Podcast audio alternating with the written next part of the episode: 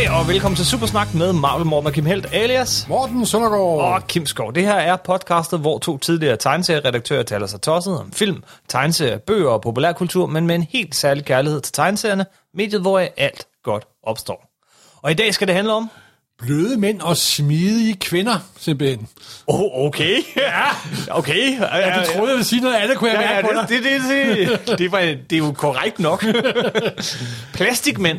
Og, Plastikmænd og plastikdamer. Ja, Ja. gummimænd og gummidamer. ja, Nej, der er jo en lille afart inden for superhelte med folk, der kan strække sig. Ja, det her afsnit, det kommer sig af, at øh, jeg sad og læste et Superboy-blad, tror jeg, fra, fra tidlige 60'er eller sådan noget, hvor at, øh, der er sådan en, en side om plastikmænd og plastikkvinder. Øh, og, og jeg sendte det til dig sådan, hø, hø, skulle vi ikke lave et afsnit om det? Og så var du, jo! så her sidder vi. Simpelthen. Og det er jo faktisk, må jeg jo indrømme, det er faktisk ikke et lille emne, og det er faktisk et ret sjovt emne. Ja, simpelthen. Vi kender jo alle sammen. Det er et emne, man kan strække. Ja, og så laver vi der, flere der, vidigheder der, det. der er elastik i Ja, det. og så tror jeg, vi laver flere vidigheder af den slags.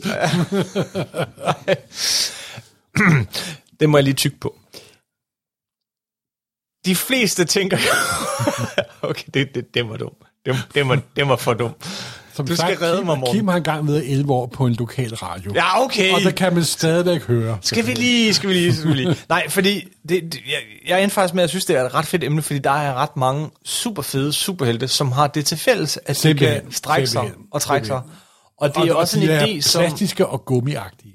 Og det er bare en idé, som er, gør sig enormt godt i et visuelt medie som Det er tegneserie. jo faktisk alt andet lige, måske det tegneserie er det eneste medie, hvor det virker. Ja, Fordi alle har jo set den forfærdelige, fantastiske firefilm, hvor Red Richard viser sine gummi-egenskaber, og det virkede bare... det var creepy. Det var creepy, det var lige, hvad det var. Det var Ja. ja. creepy simpelthen, ikke? Så, men det kommer vi alle sammen ind på i løbet af vores lille liste. Ja, for jeg fik dig til at lave en top 10 Du tvang mig til en top 10-liste. Og, og jeg- du vil garanteret også have noget, der hedder bobløg. Ja, det har jeg vist advaret lidt om. Fordi jeg, jeg er med på din top 10 liste, men der er altså også nogen, hvor jeg tænkte, det er lidt underligt, hvis vi ikke nævner lige de her. Så det er ikke en top person. 10, det er en, Det er en top 10. liste, 13 Nej, nej. halv liste. Det er en top 10, og så nævner vi lige uh, honorable mentions. Dem vi, vi kunne have haft med i Altså, top er, 10. det, er det så nummer 11, 12 og 13? Nej, det er det ikke. Nej, det er 14, det 15, ikke. 16? Der er kun en top 10, der er kun en top 10, men der var andre, som kunne have været med på holdet. som der er under top 10. Top 10 er jo fra nummer 10 til nummer 1. Og jeg tror i øvrigt også, der er mange af jer, der sidder og lytter nu, som sidder og tænker, ja, jeg ved da godt, hvem nummer 1 er. Morten, det er Marvel Morten selvfølgelig. Jeg ved godt, hvad nummer 1 er. Nej, det er ikke nummer 1. Der er kun det, nummer Det er heller ikke nummer 2. Der, er der kun er nummer- kun én nummer nummer et. 1. Og hvem, hvem det er, det, det, Det- det afslører vi det, til det afslører vi, når vi når til nummer 1. Det har dog noget at gøre med en mand, der hedder Jack. Det har det. Og så siger vi ikke mere. Nej. Nej. Øh, Skal vi ikke starte på listen? Lad os gøre det. Altså, øh, men skal vi lige øh, have nogle regler eller sådan noget? Al- Altså, skal vi lige... Ja, hvad, det hvad vil det ikke- sige Ja. at være strækbar? Så skal man jo være af et plastisk gummiagtigt materiale. Så det nytter ikke noget, at man for eksempel er ligesom Mesomorfo. Ja, fordi han var jo det første, som, jeg som tænkte. der kan lave sig selv om til alle mulige mærkelige ting. Så folk, der kan forvandle sig som metamorfo, eller... eller øh, Ja, skifthænge, de er ikke... Eller, eller kameleondrengen for eksempel, er heller ikke en. Martian Manhunter. Ja, simpelthen. De er ikke plat. Selvfølgelig er de plat, men det er de ikke alligevel. Og for øvrigt også, der bestemmer reglerne. Ja. Hvad er det så, de skal men, kunne? men det er grønt omtone. De kan kunne strække sig Ret langt. ret langt, simpelthen. Og så skal de være plastiske og kan sprede sig ud. Og kan så, altså, de kan enten opføre sig som papir eller som gummibånd, nu for at sige lige, lige ud. Ja. Om det er, det, så, er det, så er der altså en hel masse, som ikke kan være med. Eller som en James Bond-bold, som det hed dengang jeg var ung. Jeg ved ikke, om det hedder en super hoppebold nu, eller hvad. En James Bond-bold. Ja, det hed de der gamle, hårde Nå, kugler, der kunne hoppe langt. Det kaldte vi dem, dengang jeg var, jeg var dreng. Jeg ved ikke, hvorfor. Okay. Så kan man sådan smide dem ud på fjerde sal, så Ja, hopper ja. de og generer ja. naboerne. Ja, dem havde jeg også. Jeg tror, jeg har smadret mere end et vindue med dem. Nå, det var Nå. bare dommens skyldende land. Tilbage til virkeligheden. Plastikmænd og plastikkvinder. Og jeg vil så sige, at grunden til, at vi tænker, altså hovedårsagen til, at vi tænker, at det her er et helt afsnit værd, det er den, vi har på nummer et. Fordi Ja. det er virkelig værd at snakke om. Og, øh, men, men, men, øh, men det er de sådan set alle sammen. Vi gør bare sådan rimelig kort, før vi, vi dykker helt ned i førstepladsen. Rimelig kort, det er Supersnak Speak for under to timer. Ja, det er lige, hvad det er. Morten, Jeg starter altså med nogle bobler, Ja. øh, fordi øh, jeg er enig i din top 10, men tak. jeg synes stadig, det vil være underligt ikke lige at nævne nogle stykker. Ja. Øh, og, og den første er, hvis man er i hvert fald måske Men bare vi lidt... nævner man ikke boblerne til sidst. Nej, vi nævner boblerne. Skal Nå. vi nævne boblerne til sidst? Du, du er jo radioverden, så det må du vide. Du har snart lavet lige så meget, som jeg har. øhm, skal, vi, øh, skal vi starte eller slutte med boblerne? Vi kan putte boblerne ind imellem. Nej, lad os tage dem her. Nå, så tager vi boblerne. Bobler, Nej, fordi dem skal vi ikke snakke så længe om. Men, men jeg synes bare, det ville være underligt ikke at nævne øh, Monkey D. Luffy fra One Piece.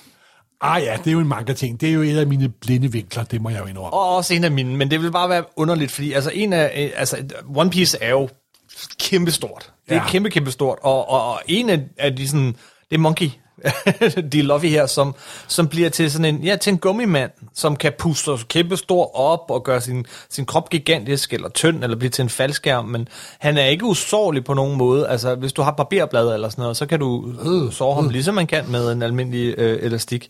Det vil bare være underligt ikke lige at nævne Ja, ham, du har men han er ikke med på vores top 10. Nej. På samme måde er det også underligt ikke at nævne øh, Skin fra, øh, fra øh, Generation X. Uh, nu bliver du nærmest sådan... Uh. Ja, men det er jo 90'er og sådan noget, ikke? Ja. Men Joe Madura og Scott Lobdell i 1994, Uncanny X-Men 317, Det er ikke glemt. der lavede de en ny superheltegruppe, fordi vi skulle have flere. Der var ikke nok X-Men-blade. Nej, der, der er aldrig nok X-Men-blade. det, det var det, der manglede. Øh, og så havde det hele den her historie med Parallax, øh, der rendte rundt og sådan noget. En af de øh, mutanter, den opfangede, var sådan et, et, tidligere bandemedlem fra Los Angeles, som, øh, som blev reddet af Blink, og det var øh, Skin. Og Skin er en ret fed figur, fordi mange af de her X-Men-figurer, de ligner jo fotomodeller alle sammen. Men Mr. Skin, han er sådan, han, han, han er sådan grå i huden, og hans, hans ansigt, det hænger sådan lidt, og man kan sådan, ligesom, ligesom sådan meget sådan gammel øh, hud, fra, øh, efter man har tabt sig. Så det er Ja, sådan øh, ligesom, meget- lige, ligesom jeg ser ud nu. det var ikke lige der, jeg ville hen. uh, han er et et enormt interessant uh, figurdesign, synes jeg. Og så er han jo strækbar. Ja. Og han er, jamen, han er ulækker, også i tegneserierne, når han, når han strækker sig. Men en interessant figur, synes jeg. Så ham blev vi nødt til lige at nævne. Og en bobler, egentlig også overvejede, om vi skulle have med, var Rubber Band Man. For øh, det der Static Shock, eller... Ja, Static Shock, øh, som var det der Milestone forlag, som havde en, en serie, som var en succes. Milestone var sådan en, en, en offshoot, sådan et eksperiment, hvor alle skaberne var, øh, var, var afroamerikanere, tror jeg, øh, og, og, og alle superheltene og så videre var. Og der var så den her gruppe, der hed Static Shock, som også havde en tegnefilm, som faktisk blev en forholdsvis stor succes der omkring 2000-2004. Ja, ja, ja, ja. Og en af skurkene i Static Shock er Rubber Band Man. Altså, han var jo af gummi og sådan noget, så han var jo en naturlig øh, modstander for, for en, en, der har sådan nogle elektriske kræfter som, som Selvfølgelig, Static selvfølgelig, selvfølgelig. Shock. Ja, ja. Nå, men øh, nej, nej, åbenbart øh, for dig ikke god nok til øh, top 10. Jamen, der, der er jo en top 10, har jo kun 10 medlemmer, og Ja, jeg må indrømme, at jeg havde totalt let alt om Static Shock og Rubber Band Man. Det beklager jeg virkelig. Jeg er en dårlig tegneseriefan. Det er du. Du er også en dårlig musikhistorie, kender. Altså, det, det tror jeg, hvis alle er, alle er enige om, inklusive mig selv. The Spinners lavede i 1976 en sang, der hedder The Rubber Band Man. Men lavede Beatles ikke en sang, en plade, der hed Rubber Band, eller Rubber, eller... Sgt. Pepper? Nej, det er der Rubber, Rubber, Rubber Soul. Nå, Hey, okay, jeg var det. så er der roligt, roligt. Okay. Vi har jo også haft en del tegneserier baseret på computerspil, og øh, hvis man siger strækbar og computerspil, så tror jeg også, der er mange, der tænker Street Fighter 2. Det er sådan noget, det, du taler om verden, jeg slet ikke er inde i. Jamen, det ved jeg godt, men Dahl, Dahl, Dahl ligesom, tror jeg, han hedder, øh, han har de der lange arme og lange ben. Så ham, ham Det er jo meget altså praktisk, når man er street, street Fighter, må det være. Ja. Og, øh, og så tror jeg ellers, de andre havde du faktisk allerede, i, har du alle sammen i en eller anden grad med i, i din egen liste. Skulle man øh, øh, sådan gå sådan all out, så kunne man nævne Jake the Dog fra Adventure Time, eller Madame Rouge. Uh, Madame Rouge er sådan lidt mere vores. Hun er fra Brotherhood of Evil i de gamle Doom Patrol-historier. Uh, og, og der er ikke så meget interessant at sige om hende, andet hun kunne strække sig. Ja. Godt. Skal vi til top 10? Ja. Og på nummer 10, der ligger ham, der hedder Flatman. Ja, yeah, det er en fed historie. Der er en Flatman. fed historie om Flatman. Nu har de fleste af vores lytter jo lige set WandaVision. Mm-hmm. Og den historie, oprindelige historie, hvor den hvide Vision dukkede op, lavede John Byrne, West Coast Avengers. Det var sådan en run, han havde. Ja. Og lige pludselig ind i det run, totalt umotiveret, i nummer 46, Ja. så kom der The Great Lake Avengers. Great, ja, lige Der pludselig. var en samling af de mest besønderlige superhelte ever, og der var blandt andet for første gang Flatman med, og han var grundlæggende en... Ja, han hed Matt, men aldrig fundet ud af, hvad han hed til efternavn. Og så var han flad. og han kunne mere sådan folde sig sådan som et stykke papir. papir. Men han var ikke bare flad. Han var så flad, så hvis han, han vendte sig sådan i en bestemt Ja. vinkel, så var han usynlig, ja. fordi han var 2D. Simpelthen. Han var, han var en slags, også en slags øh, origami-mand. Han kunne Ja. folde sig selv sammen, Ja. krybe ind under hæder og så videre, så videre. Jamen, det var altså John Byrne, da han var bedst og mest vanvittig. Ja, ja, simpelthen Altså, Flatman. og bare lave sådan en øh, Og han er, dukket, han er dukket op lidt en gang imellem, og han har jo mere en vidighed end noget, noget andet. Ja, ved du hvad? Nej, vi skal faktisk lige nævne om Flatman, at han var med. Han, han er også en af de meget få, øh, hvad hedder det, øh, homoseksuelle superhelte i Marvel-universet. Nå gud, det var jeg slet ikke klar over. Jo, jo, jo. Øh, dukker op i øh, GLA Misassembled fra 2005. Nå, okay. Ja, ja. Og han har også været med i, i, i, i alle mulige... Øh... Jamen, han er, der, der er også kommet en miniserie med The Great Lake Avengers. Men han er over i den mere sådan lidt humoristiske ende. Ja, men han, han er så nummer 10 på Ja. listen. Så på nummer 9. Faktisk den, vil jeg kan se som er en af de allerførste, måske den første elastiske superhelt. Thin Man. Jeg tror, du har ret, og det, der skal vi helt tilbage i 1940. 1940. Mystery Comics nummer 4 for øhm, ja, Timely. Det, Fra Timely, det der blev til, til... Det er rigtigt, det, det er sådan en totalt glemt figur egentlig. Ja, øh, Roy Thomas hævde ham jo frem i, i 70'erne, da han blev med med Liberty Legion, og de mødte Invaders. Okay, ja, det havde jeg så glemt. Men, Jamen, det havde jeg ikke. okay, jamen, hvad kan være der at sige om den figur? Men Han minder faktisk enormt meget om Flatman. Jeg er sikker på, at der er et eller andet sted, hvis jeg har læst det, måske har glemt det, også at lave en historie, hvor det virkelig viser sig, at Flatman er søn eller barnebarn af Thin Man. For de har næsten samme egenskaber. Er han ikke også noget med, at han, var, at han kunne leve evigt? Han har fået sin kraft. Jo, jo, jo, jo, men han er, der er også det, når man bliver omformet til plastisk materiale, så bliver man åbenbart ikke udsat for tidens tand helt på samme måde. simpelthen. Hans, øh, han, han, han, han, han slog sådan, hans øh, kone blev slået ihjel øh, af nazisterne. Og, øh, og det, det må have er- været i Roy Thomas' ikke? Ja, men det er sådan nogle eftergrund. Det er The Master of Retroaktiv Kronologi, det er jo Roy Thomas. Men igen, det har så været den første øh, strækbare. Ja. Ja. Og hvorfor bliver han så ikke det helt store øh, gennembrud? Øh, det er nok fordi, at ham, der tegnede den, ikke var så kreativ som, Det- nogle, som nogle af de andre. Det er, sgu nok, senere. det er sgu nok det. Men han, han kommer med simpelthen, fordi han er den første. Han er den første. Og så er han medlem af Liberty, Liberty Legion, og har mødt en, en, uh, Invaders. Og den er skrevet af Roy Thomas. Okay. Og alene det er jo grund til, at man ryger op i, i min pantheon. Ja, og så også bare sjovt, at han er faktisk en af de der allerførste sammen med, med øh, Captain America og Submariner. Simpelthen, og, men han og er så første bølge. Så, så det, det er faktisk lidt sjovt, at han er så glemt, men det er jo nok fordi, at hans egenskaber er en til en Reed Richards. Eller også, at de måske synes, han var en anelse tåbelig. Ja. Ja, man kan ikke have for mange strækbare superhelte i samme Nej. univers, siger man hos Marvel. siger man ikke hos DC.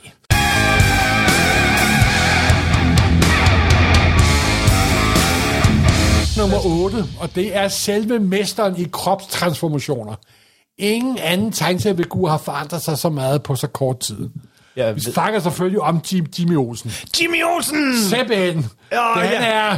Det er rigtigt. Han er ikke the man with a thousand faces, he's the man with a thousand bodies. Han er blevet et pindsvin, han er blevet en abe, han er blevet en sky, han er blevet en kvinde, han er blevet en kæmpe, han er blevet en mand, han er blevet en myre, han er blevet en mikro. Og han har selvfølgelig også drukket serum, så han bliver til plastik, og derved blevet elastic, el, el, elastic lad. Og han er part medlem af Ligno Superheroes. Vi snakkede for, for ganske nylig om Lois Lane og alle de der vanvittige Lois Lane tegneserier. Ja. Ja. Går man rigtig langt tilbage i arkiverne. Dengang lyden var elendig. Ja. Der lavede vi et afsnit om Jimmy Olsen, Ja. ja. som du tit trækker frem. Fordi Jimmy Olsen var jo en, en fuldstændig vanvittig tegneserie i, i lang Ja. ja. tid. Hvor han ja, har alle de her transformationer, som, som du nævner. Men- fuldstændig. Men, men det er sjovt, at en af de transformationer, som går igen, og som de altid vender tilbage Ja. til, det er Elastilad. Det er fordi, han blev medlem af Ligno Superheroes. At, jamen, det er nok derfor, at han i den, i, i, i den rolle bliver, bliver en rigtig superhelt. Ja. Øh, og, og senest var det i den her Jimmy Olsen øh, miniserie, der kom der her er sidste år. ganske vidunderligt. Fantastisk. Hvor det lykkedes forfatteren at tage alt det gamle tåbelighed og blande sammen med noget moderne, og det virker. Jamen, det er nærmest Jimmy Olsens All-Star Superman, ikke? Jamen simpelthen, simpelthen. Den, Ja. den er virkelig, virkelig, virkelig god. Og, og, og det er sjovt, men altså, er der noget særligt at sige om hans egenskaber? Det er bare, at han kan, kan strække, ikke også? Og så er det kun, når han tager et serum, kun, når, han tager et serum, når det så og- slipper tør, så og, sådan kun, lidt han, ligesom... og kun når han be- besøger det 30. århundrede, eller 31. Er det kun, når han er ude i fremtiden? Og så... Nej, det passer da ikke. Der er også tegneserier, hvor han er kan vesteladt i være. Men problemet er jo, at kommer en lille, en lille Søndergaards sidespor, Ja. når Jimmy Olsen er ude i fremtiden, mm. og han så får informationer om, hvad der sker i hans tid, hvorfor kan han så ikke huske det, når han kommer tilbage? Det er jo generelt Det er problem. fordi Brainiac 5 har lavet en posthypnotisk øh, instruktion i både Superboy og Supergirls hjerne, så de vender tilbage til deres nuværende tid, så glemmer de alle de detaljer, de ikke må huske simpelthen. Selvfølgelig, selvfølgelig, selvfølgelig. Jamen, det er 5 fedt. er en meget smart fyr. Jamen, det er fedt, og det er også fedt, Jimmy Olsen. Det er jo ikke sådan en, man normalt trækker, tænker på som en strækbar superhelt, men det er han. Han er den mest fleksible af alle tegneseriefigurer overhovedet. Var det en joke? Ja, nej, det var det ikke. Okay, jeg skulle bare lige... Ja.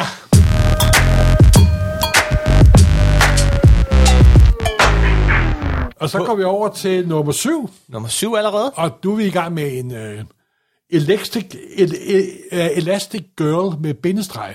Elastic Girl. Med bindestreg. Ja, så er det, er det hende fra Doom Patrol, ikke også? Det er hende fra Doom Patrol, og hun var tidligere svømmestjerne, som der blev til filmstjerne. Ja. Rita Farr.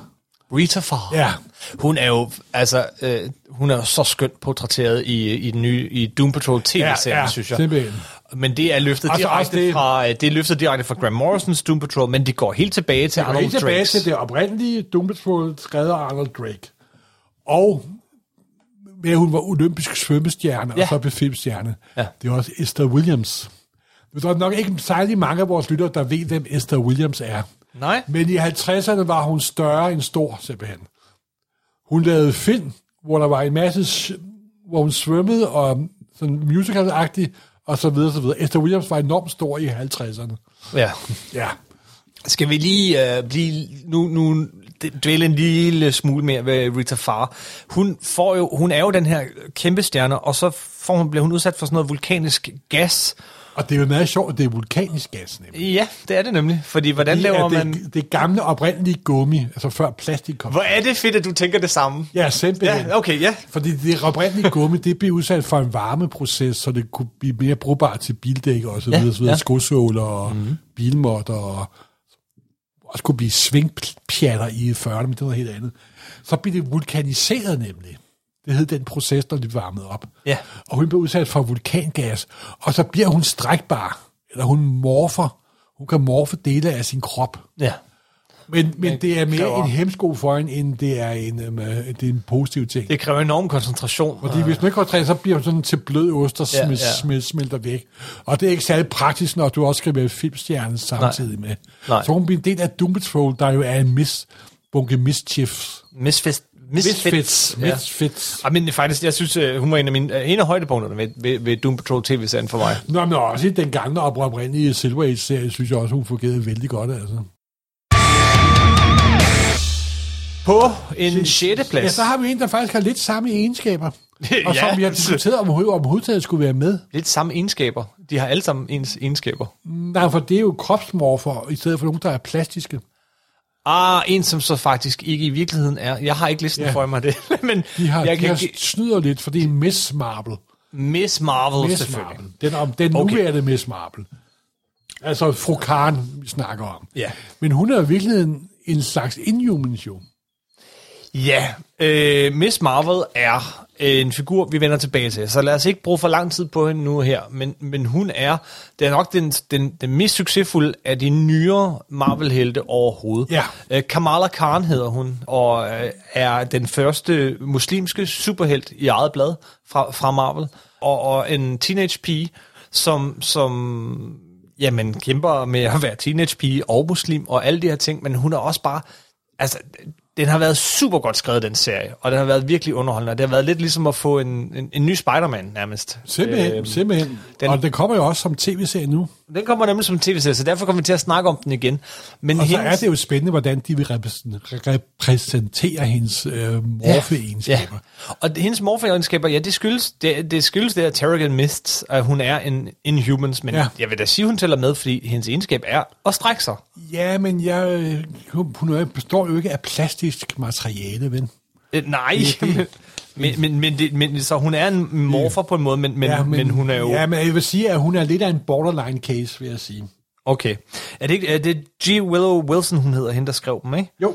Ja, men det er også sjovt, altså. Det er sådan en ny figur, som bare dukket op alle steder. Altså allerede i et hav af tegnefilm, og nu snart tv-serier og sådan noget, og hun er jo fra 2013, tror jeg. Jo, men der er også sket meget siden 2013. Og jo, men, men langt de fleste af de superhelte, vi sidder og glor på i dag, de er enten fra 40'erne eller Nå, og på, 60'erne. og på den måde, ja, ja, selvfølgelig, selvfølgelig. Jamen, det er gudslov den nye bølge af superhelte. Ja, Ja. Men det er jo også, hun har jo også meget gammel DNA i sig, ikke også? Det er jo- må man sige. Altså en øh, frustreret teenager, der ikke kan finde ud af sin familie, og hvorfor, og hvem hun er, og, Og hun hedder Miss Marvel. og, og har fået superkræfter, så Ja. det er noget MS.Marvel. Ja. Det gamle, øh, på starten af 70'erne, i stedet for Miss og Mrs. og så videre, mm. og fru og frøken, så prøvede man at indføre Miss. Punktum. Ja. Og det er ikke rigtig slået igennem, men nu går vi at slå igennem igen her også. Det må man, må man da håbe. Hende vender vi tilbage ja. Til i et andet afsnit af Supersnak, når øh, sikkert samtidig med, med tv-serien. Men nu er vi allerede nået til plads nummer Fem. 5. Jeg er, lidt, jeg er måske lidt uenig. Jeg synes måske, Miss Marvel skulle højere op på den her liste, men det er svært. Nu kommer vi op i, i Nu kommer vi jo til en meget vigtig figur. Ja, En af de største og mest dramatiske helte i hele, begge både DC og Marvel-universet. i begge universer. Begge universer. Det er Bouncing Boy, vi snakker om. Bouncing Boy. Hvem kan snakke om andet end Bouncing Boy? Chuck Tane. Hvorfor har han ikke fået sit eget afsnit? Det er ondt. Jamen, det, det er da en af- aftale.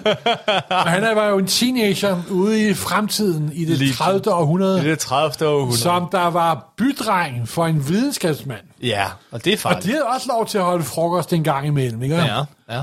Og så skulle han jo, det der, en, et eksperimentelt serum, som han skulle fragte fra den ene lab til det andet. Ja, og hvad gjorde han så? Og i stedet for at drikke sin cola, eller hvad det nu var, man drikker ude i fremtiden, så kommer han sgu til at drikke sit serum simpelthen, ikke? No! Og så bliver han til Bouncing Boy. Ja, Der bliver til en stor gummibold, der kan hoppe rundt. Jamen, han er en James Bond-bold. Simpelthen. Og hvad kan være bedre end det, simpelthen? Og så bliver han medlem af Legion of Superheroes. Og han er altså han er den bedste Legion of Superheroes, selvom jeg ikke læser Legion of Superheroes, for han er en stor, rund hoppebold. Simpelthen. Eller kan gøre sig til det i hvert fald, ikke? Og så bliver han gift senere med Due, med Ja, Doulas. det er godt. Vi har hørt det. Som der hvor foran var Triple Girl, men Ja, ja, ja. ja. en af dem jo blev dræbt. Så det, det er. Bouncing Boy, der, der får tvillingerne. Ja, simpelthen. Simpelthen. og så optrådte han faktisk første gang i et actionnummer af Action Comics, faktisk. Ja. Det er endnu bedre, simpelthen. At Bouncing Boy her, han er selvfølgelig altid det, der bliver gjort grin med. Ja, selvfølgelig. Men, men Der var engang en liggende superheroes historie, hvor alle liggende legionærer skulle kæmpe mod hinanden for at vinde en konkurrence, så man kunne vinde en anden stor kosmisk pris. Og hvem vandt den konkurrence? Det gjorde Bouncing Boy. Troede man. Nå. Så viser det virkelig, at det var kameleondrengen, der havde forklædt sig som Bouncing Boy. Men det er en helt anden historie. Undskyld, vi går videre. vi skal snart have en kendingsmelodi til din Legion of Superheroes øh, Det, rants. det er ikke så ofte, at jeg får lov til at nævne det. Jo, det her er det. så, Nå,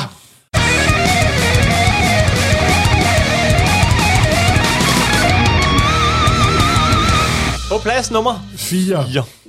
Og nu kommer vi også til, til de sidste fire strækker, mm. hvor grunden til, at de også er gode, er på grund af den skaber, der er bagved. Ja, Og det er nummer fire er The Elongated Man.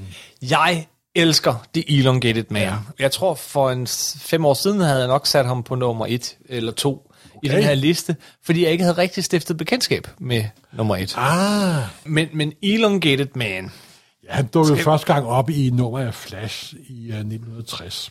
ja, så det er Silver Age. Og han er en mand, der kan strække sig. Ja, Ja, og hvorfor kan han strække sig? Det er jo fordi, han er jo også detektiv samtidig med. For faktisk fik han sådan en uh, lille backup feature, som hedder sådan nogle småhistorier bag Detective Comics, der jo består af detektiver. Ja. Og hvad er den største detektiv, ved jo alle er Batman. Men verdens næststørste detektiv, måske, Ja, måske. hvis ikke det, det er Detective Chimp. det er Elongated Elongated Man, Man, simpelthen. Ikke? som hedder uh, Ralph, Ralph Dibny. Dibny. Dibny, Og, ja. og han havde fundet ud af, at de her frak, øh, frakier Mhm. mm. og andre gummimænd, der især er i Indien, i hvert fald i DC-tegneserien i 1960, hvor, hvorfor, kunne de, hvorfor var de så smidige? Hvorfor kunne de strække sig?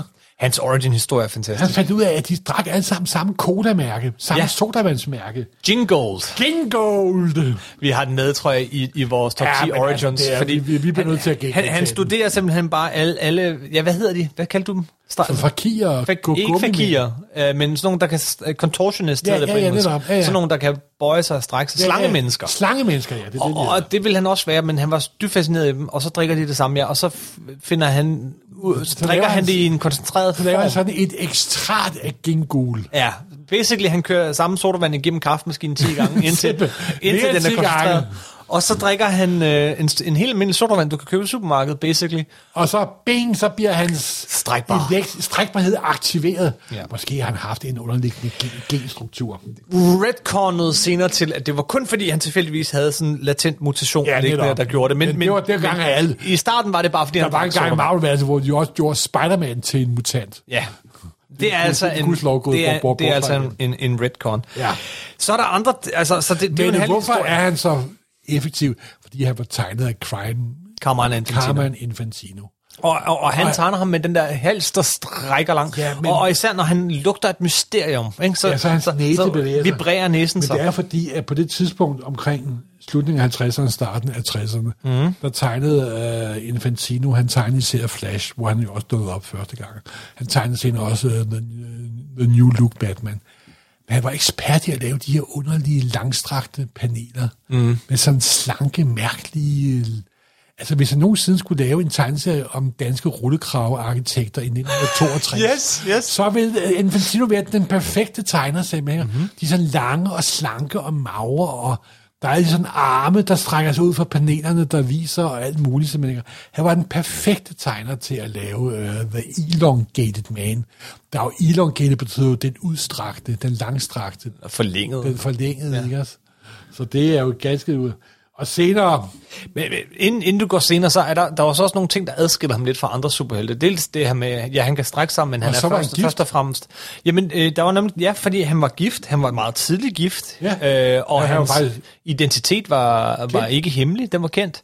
Så på, det var sådan to ting, der gjorde, at han, han skilte sig lidt ud. Og han var jo gift i mange år i et lykkeligt ægteskab med... øh, med som med, der endte meget med Sue. tragisk. Ja, fordi den her figur er der sådan set bare. Han bliver medlem af, af, af hvad hedder det, Justice League, og han er der Simpelthen. hele vejen igennem, og han er en konstant, men han er, han er altid sådan lidt anden violin til, til, øh, til Batman, og der er andre Alle strejkere er anden violin til ja, Batman. og der er andre strækkere, så, så han er på den måde sådan, og han er ikke lige, altså, ja, så, sådan han er ikke rigtig, men så kom Identity Crisis op i starten af 2000'erne. Det er der, du Ja, gerne vil hen, ikke? simpelthen. Som er den her lille miniserie, som, som er enormt hård og kynisk, men, men, men også Den, den satte mange DC-fans i sådan en tilstand af chok. det gjorde den, og den vendte om og ned på nogle ting, men det var, det var enormt vigtigt. Øh, Det var, ny, det var et lille nybrud der på det tidspunkt, da den kom. Og morderen, nu kommer der en spoiler, Det kommer en spoiler nu. men det må, fuck, må jeg læse den, hvis det det. Og morderen viste sig at være, øh, det var Stepbys kone, der var blevet sindssyg. Sue havde gjort det. Det var hende, der gjorde det. Jeg gjorde noget af det. Vi har ikke spoilet det hele, Nej, nej, sige. nej, Men, men, men, men en af dem. Og, og, øh, og hun dør på en ret øh, Jamen, det er øh, voldsom tragi- måde. Meget voldsomt, og det ene ender meget tragisk. Hun var faktisk gravid, da hun blev myrdet. Jamen, det var- jamen, løgn. det er- det er en meget mærkelig historie. Men det, det, det er en rimelig hård historie, ikke? Og i, øh, så kom så efter, øh, øh, lidt, lidt tid efter den, så kom den her New 50, så kom ikke New 52, slå over, så kom den her miniserie 52, som ja. Vi tit vender tilbage til, Ja. øh, som handlede om alle sådan B, B-figurerne i DC-universet. Ja. Øh, Det handlede et år i DC-universet, hvor de tre store var væk. Wonder Woman, Superman og Batman. Så fik alle de andre lov til at spille på bordet. Og der var et helt plot, som bare handlede om, øh, om Ralph Dibny, øh, Elongated Man, ja. øh, som handlede om, at han sådan prøvede at, øh, altså han overvejede selvmord, og sådan noget. der var nogle fantastiske paneler i den her, altså, hvor man sådan, Jamen, hvor han, sådan... han græder, altså det er sådan nogle billeder, som faktisk har brændt sig fast på nethinden, ikke? hvor han, han græder, og han, sådan, han falder helt fra hinanden, og sådan noget, og hans kæbe er nede på, på over, over gravstenen og sådan noget. Han er fuldstændig faldet fra hinanden, fordi han er så ødelagt af sorg, ikke? Ja. Og så er der så nogen, der prøver øh, at, at, at, at vække Sue til live og lave sådan nogle, en, nogle dukker og sådan noget, øh, en kult og sådan noget. Det er sådan, det er ret, ret vild, vild sidehistorie, ikke? Og det hele ender jo med endnu mere vildt. Ja. At nu, på daværende, nuværende tidspunkt i DC-universet, så er de begge to blevet spøgelser og er blevet detektiver begge to.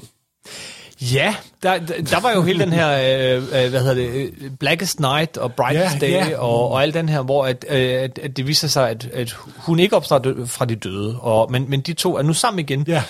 Hinsides, som spøgelser, som du siger. Og, og er detektiver samtidig. Ja, ja, ja. Altså, Because why not? Nogle gange gennemgår øh, sådan, kan vi sige, B-tegneseriefigurer de mystiske transformationer simpelthen. Ja, Og, og herre og fru Ditby har været igennem en del, må, må man sige. det må man sige. Ja. Men det er grund til, at vi elsker ham. Det er fordi, at det er Infantino, der har tegnet ham. Ja. Endnu mere elsker vi det, som jeg tror mange måske vil tro var nummer et. Ja, men, Men det er nummer tre? Det er Mr. Fantastic. Mr. Fantastic fra Fantastic Fra Four. Fantastic Four. No need to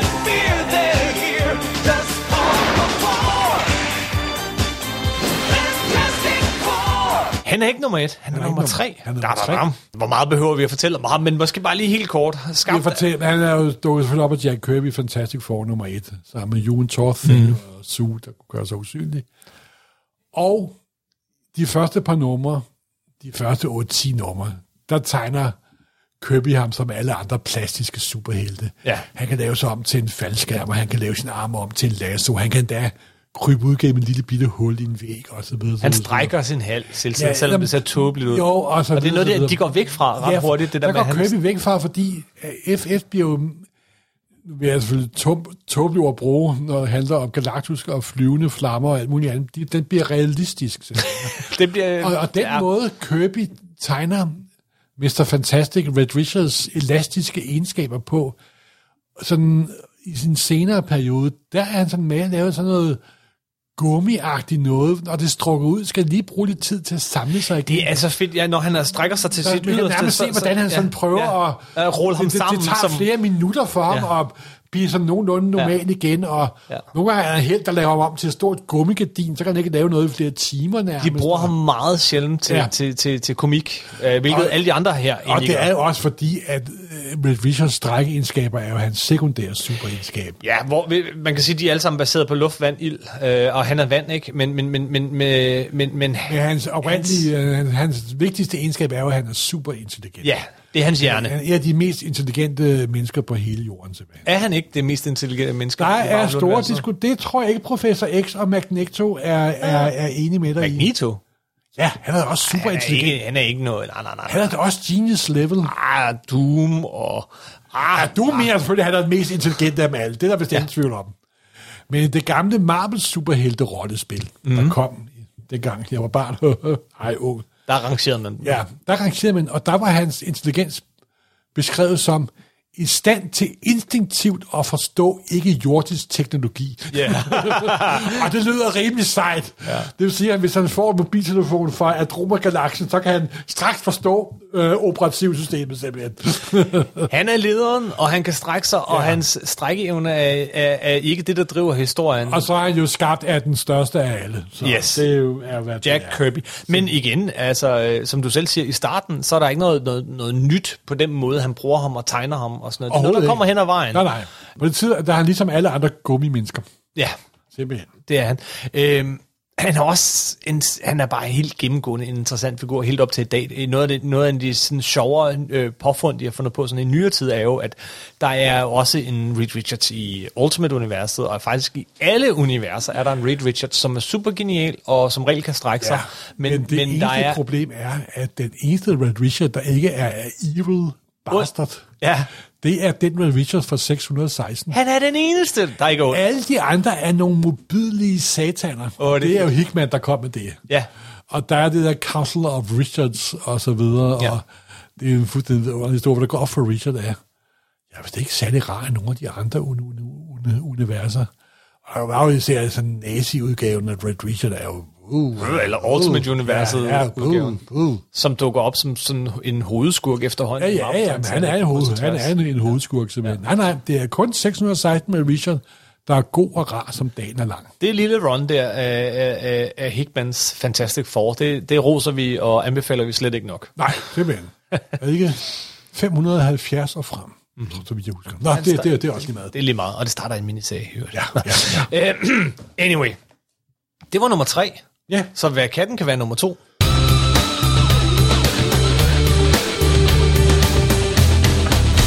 Så skal vi faktisk få lavet tegneseriens verden. Det skal vi. Og, Det er og, godt og nok. det er ikke uh, computerspil eller, eller Nej, men manga. det er lavet på en computer.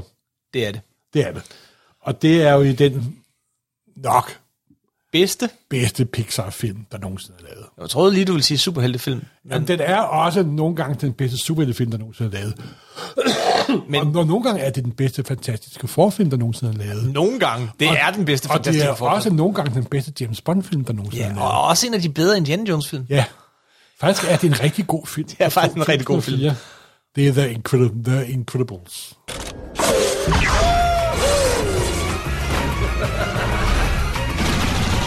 Superheroes. What could happen?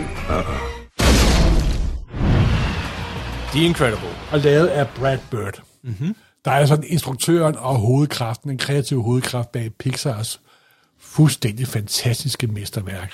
Og Elastic Girls og deres to børn, der jo ikke må være superhelte længere og flytte ud i forstederne. Og det, det er jo så tydeligt, at der er en kæmpe kærlighed til Fantastic Four. Og Indiana Jones og James Bond og alle de andre ting. Jeg så et interview med Brad Bird, Ja. og jeg tror, altså, det var for fire eller fem. Og jeg tror, det udelukkende var af copyright-mæssige årsager. At de ikke Hvor han lavede. sagde, at han aldrig havde læst tegneserier. Og den tror jeg altså ikke på. Det tror jeg heller ikke. Men på det tidspunkt var de jo heller ikke ejet Disney, ikke Marvel. Så han ville bare undgå en masse skænderier med copyright, så han sagde, at han aldrig havde læst tegneserier. Men den får I mig ikke til at hoppe på. Nej. Fordi ikke alene er der de fire medlemmer af The Incredibles, de har alle sammen samme egenskaber som fantastiske fire. Ja, de er bare blevet lidt rundt. Der er en, der gør sig usynlig, der er en, der er stærk, der er en, der kan strække sig, og, og juniormedlemmet, han har ild i røven, simpelthen. Ja, okay. Og plus, de har en baby, der har en masse forskellige egenskaber, ligesom Franklin. Ja. Det er simpelthen fantastisk for op på dag, og det er en af de, det er, jeg synes, det er Pixars bedste film. Det designet på den er så fuldstændig fantastisk, simpelthen. Det der retro 50'er design, og hvor øh, hende der, for eksempel tøjdesigneren Ægne, der er, hvad er hun? Der er så en lille bitte... er hun, og, hvad er hun, 20 cm høj? Ja, ja, ja. Og så er der Mr. Incredible, der, der er er 2 meter høj. og tre du, meter bred. Og du tænker ikke over det, når du ser. Og, og den sure chef, og det der kontorlandskab, og byerne, og det er en af de smukkeste designede Pixar-film af alt, og den er... Altså det må det være, Morten, når, når du sætter den, øh, når du sætter Elastigirl over Jack Kirby's Mr. Uh, Mr. Fantastic, så, så må den virkelig være god. Jamen, også for I den måde, øjne. hun er i filmen på, der er hun Elastic Girl. Hun er fantastisk. Hun Hun Helen bruger- Parr hedder hun, og, Ja. og hun er, de vinder jo kønsrollerne om fuldstændig i den her, øh, og, også i, i toren. Ej, det er, Men- det, men- det, men- ser i toren, de gør det. Det er især toren. Det, og toren øh, er men- desværre en bleg afklans af etteren, må jeg jo sige. Ja, Men det er noget helt andet.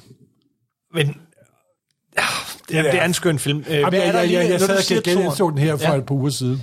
Når du og så den er endnu mere fantastisk simpelthen. Og musikken, du, grunden til, at vi siger, at det er verdens bedste James Bond-film, fordi der er James Bond-musik på. Der er temaerne, og den teknikken og skurkens hemmelige øh, ø er fuldstændig ud af James Bond. Jamen, det er, jeg- jeg er meget enig. Det er Jamen, en af de ja. mest fuldendte uh, Pixar-film. Jamen, det er, det er, for mig er det den bedste Pixar-film overhovedet, men det er det. Altså. Og det siger jeg ikke så let. Og det er også lavet meget sjovt, nu vi taler om animation, og få det til at se virkelig ud og ikke virkelig.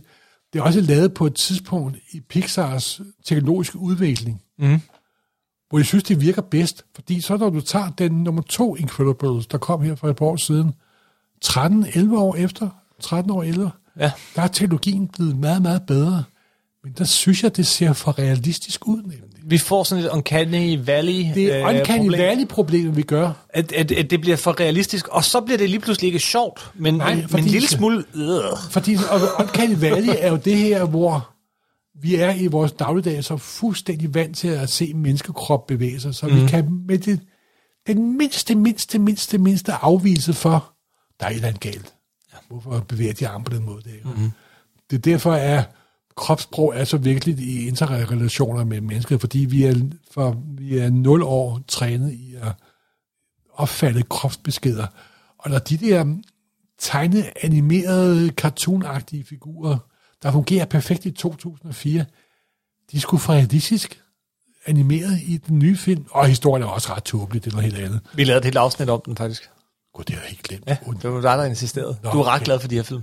Ja, jamen, jeg, et af dem er jeg glad for. Toren synes jeg er, jeg genså ja. Toren faktisk også, synes det var endnu værre, end jeg havde husket den. Ja, okay. Men et af dem er en øh, lysende stjerne simpelthen. Mm.